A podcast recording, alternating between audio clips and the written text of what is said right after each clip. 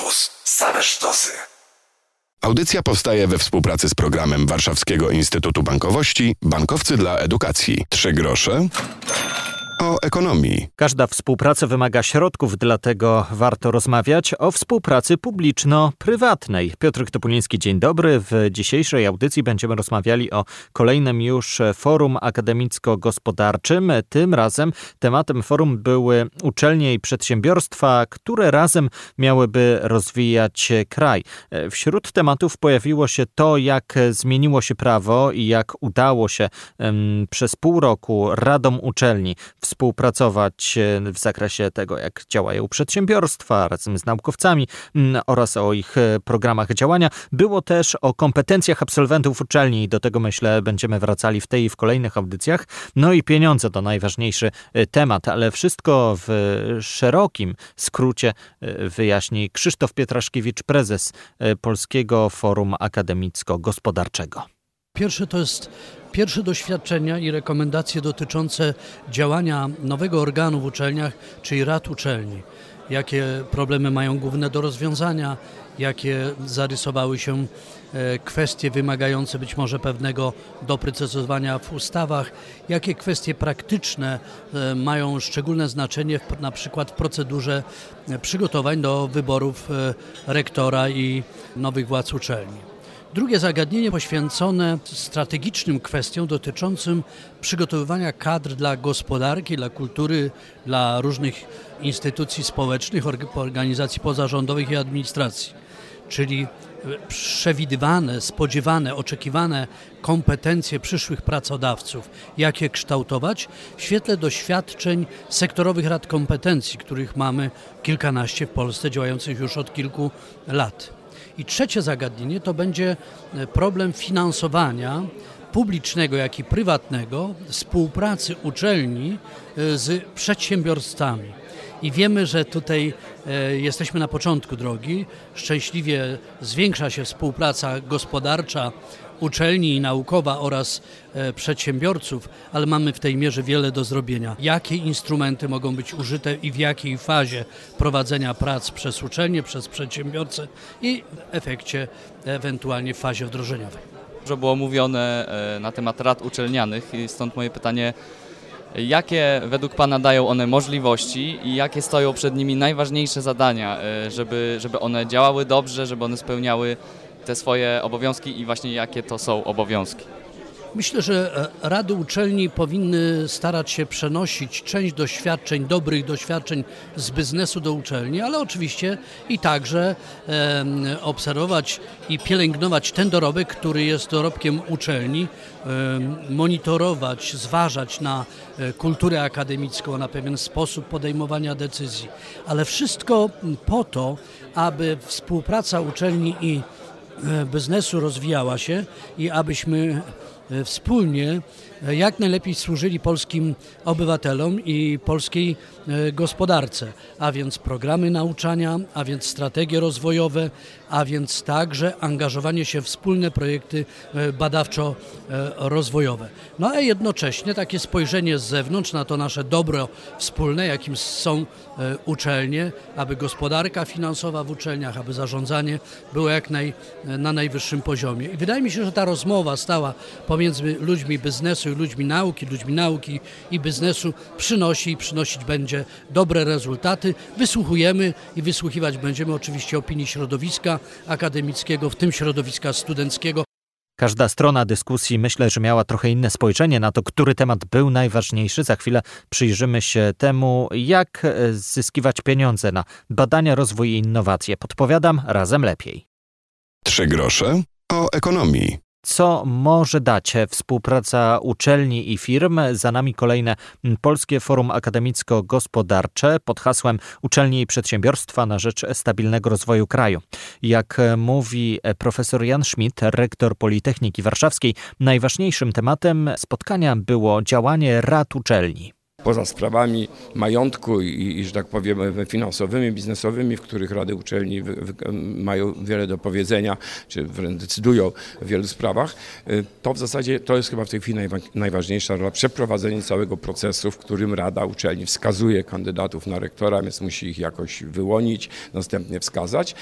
No potem przyjdą wakacje i, i, i po wakacjach w zasadzie rada uczelni jeszcze będzie miała w niektórych przynajmniej uczelniach na głowie opiniowanie w szczególności, w szczególności e, strategii rozwoju poszczególnych uczelni. Czy te rady uczelni i ustawa 2.0 czy te oba organizmy, że tak to nazwę, według Pana przyczynią się do rozwoju polskich e, uczelni i czy pomogą e, w tym, żeby te uczelnie właśnie rozwijały polską gospodarkę i żeby ta gospodarka była innowacyjna? Tak, ja myślę, że to jest bardzo dobry krok. E, proszę zauważyć, że mm, w ogóle w strukturach unijnych, Unii Europejskiej, bardzo ważnym elementem, taką trzecią misją uczelni, którą się prezentuje, przedstawia i silnie wspiera, jest e, e, współpraca z otoczeniem społeczno-gospodarczym. To jest wielka rola, że tak powiem, rad uczelni. To one, poprzez to, że pochodzą z tego środowiska, przynajmniej w części, jest, jest to wielka rola właśnie, tak powiem, intensyfikowania tej współpracy Y, z otoczeniem społeczno-gospodarczym każdej uczelni. I trzeba przyznać to, co dzisiaj już wybrzmiało. P, y, rady uczelni w większości przypadków są bardzo proreformatorskie, to znaczy, aby uczelnia zmieniała się w kierunku instytucji właśnie mającej kontakt ze społeczno-gospodarczym otoczeniem i działającym na rzecz szeroko rozumianej gospodarki, żeby tak nie było rozumiane, że tylko uczelnie techniczne czy przyrodnicze. Nie. Gospodarka to są po prostu ludzie. Ludzie mają psychikę, ludzie są zbiorowiskiem, do którego, prawda, trzeba dotrzeć i tak dalej, i tak dalej, komunikacja społeczna, etc., etc. I rady uczelni tu mają pomóc uczelni, rektorowi, władzom uczelni do tego, aby rozwinąć ten, ten, ten kontakt ze społeczeństwem. Przykłady może dawać właśnie innym uczelniom Politechnika Warszawska, taki przykład, że tak powiem, pańskiego podwórka. No ja myślę, że y, powinna, można się wzorować na nas, jeżeli chodzi o sam proces, czy przyjmowania podstawowych, y, że tak powiem, dokumentów wynikających z ustawy, w szczególności statutu. Proces trwał długo, prawie dwa lata dyskutowaliśmy nad tym statutem, przecież ustawa się zmieniała w tym czasie, ale nie tak bardzo. Było wiadomo mniej więcej, co w tej ustawie będzie napisane, więc można było już myśleć o, o rozwiązaniach charakterystycznych dla naszej uczelni. Ten proces przebiegł, mamy nowy statut. Y, inne sprawy, czy były regulaminy, pracy, wynagradzania czy organizacyjny, albo już są, albo jeszcze są w toku dyskusji, bo niestety tutaj musimy pewne rzeczy uzgadniać, na przykład ze związkami zawodowymi. I myślę, że cały proces przebiega do, przebiegł dosyć spokojnie i te proreformatorskie, y, działające ku rozwojowi uczelni i wydobycia z uczelni tych wszystkich najważniejszych jej, czy, czy najbardziej cennych elementów, które mogą służyć rozwojowi Politechniki i, i kontaktu Politechniki Warszawskiej ze środowiskiem y, społecznym społeczno-gospodarczym, myślę, mogłyby być w wielu miejscach powielane i być pewnego rodzaju wzorcem i wskazaniem. Mówił profesor Jan Schmidt, z którym rozmawiał Jeremi Angowski. I za chwilę do tego tematu jeszcze wrócimy, porozmawiamy o tym, jak zyskiwać pieniądze na wspólne badania w świecie nauki.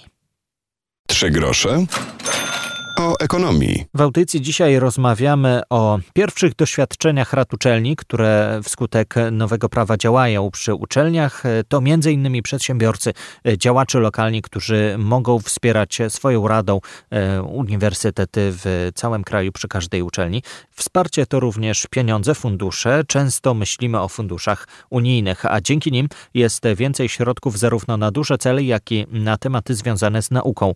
Mówi w rozmowie z naszym reporterem Jeremim Angowskim, Kamil Bortniczuk, sekretarz stanu w Ministerstwie Funduszy i Polityki Regionalnej. Mamy do dyspozycji znacznie większe środki niż wynikałoby to tylko z możliwości budżetu państwa, czy z budżetu Rzeczypospolitej na to, aby inwestować w rozwój uczelni, w rozwój bazy dydaktycznej, w rozwój działalności badawczo-rozwojowej i to pod każdym względem, zarówno pod kątem infrastruktury, czyli budowania nowych obiektów, wyposażenia tych obiektów w aparaturę specjalistyczną, ale też w zakresie już prac merytorycznych, prac badawczo-rozwojowych, a następnie mamy możliwość, e, aby na linii współpracy uczelnia, biznes doprowadzać do komercjalizacji wyników tych tych badań, co się później przekłada na większą konkurencyjność polskich przedsiębiorstw, na większe możliwości wzrostu polskiej gospodarki, a więc i na poprawę bytowania nas wszystkich Polaków. Projekty są bardzo różne, to, to nie jest wiedza tajemna, każdy może się zapoznać z programami operacyjnymi, to jest przede wszystkim program operacyjny Inteligentny Rozwój. Rodzaje projektów są określone w szczegółowym opisie priorytetów. E, myślę, że środowisko uczelniane doskonale zna e, możliwości, jakie daje ten program operacyjny, ale to też nie jest jedyne źródło. Regionalne programy operacyjne w poszczególnych województwach też pozwalają na rozwijanie infrastruktury e, uczelni, na prowadzenie działalności badawczej, na tworzenie centrów badawczo-rozwojowych. Konferencja dotyczy przede wszystkim współpracy uczelni i biznesu. Tutaj państwo reprezentują uczelnie, bo uczelnie są państwowe. Państwo reprezentuje ministerstwo w kontekście stwarzania warunków finansowych do kreowania tego typu rozwoju. Natomiast y, forum zajmuje się przede wszystkim koordynowaniem współpracy nauki z biznesem. Po to, aby po pierwsze nauka nie była sobie amuzą, ale żeby docelowo była komercjalizowana, przekładała się na nowe produkty, na nowe usługi, na nowe źródła dochodów polskich przedsiębiorstw, a z drugiej strony jest y, ten, ten, ten drugi pięć działalności uczelni, czyli dydaktyka, aby w jak najlepszym stopniu odpowiadała na nowe wyzwania, które gospodarka przed y, pracownikami stawia, tak aby ci pracownicy byli możliwie jak najlepiej przygotowani do tego, aby w tej nowej gospodarce funkcjonować. Zachodnie państwa doganiamy skutecznie w niektórych kwestiach, wręcz przeganiamy, wykorzystując y, pewien skok technologiczny, który który u nas y, następuje. Najważniejsza będzie elastyczność, najważniejsza będzie możliwość płynnego dostosowania się uczelni do zmieniających się bardzo dynamicznie warunków rynkowych. Y, uczelnia musi y, być krok przed biznesem. Uczelnie są w o tyle dobrej sytuacji, że poprzez swoją działalność naukową kreują pewne rozwiązania, kreują potrzeby, a przez działalność dydaktyczną te potrzeby zaspokajają. To jest kompletne i komplementarne z działalnością polskich przedsiębiorstw. Także elastyczność i otwartość na zmiany zachodzące w gospodarce i społeczeństwie. I to wszystko w dzisiejszej audycji. Za tydzień rozmawiać będziemy zarówno o internecie, jak i o rozwoju własnym, o szkoleniach, w których możecie wy wziąć udział. Dlatego już teraz zachęcam. Trzy grosze o ekonomii co tydzień, między innymi na Spotify czy iTunesie wystarczy wpisać tytuł audycji i słuchać i dowiadywać się czegoś więcej o gospodarce. Piotr Topuliński, trzymajcie się. Audycja powstaje we współpracy z programem Warszawskiego Instytutu Bankowości Bankowcy dla Edukacji. Radio Campus. Same sztosy.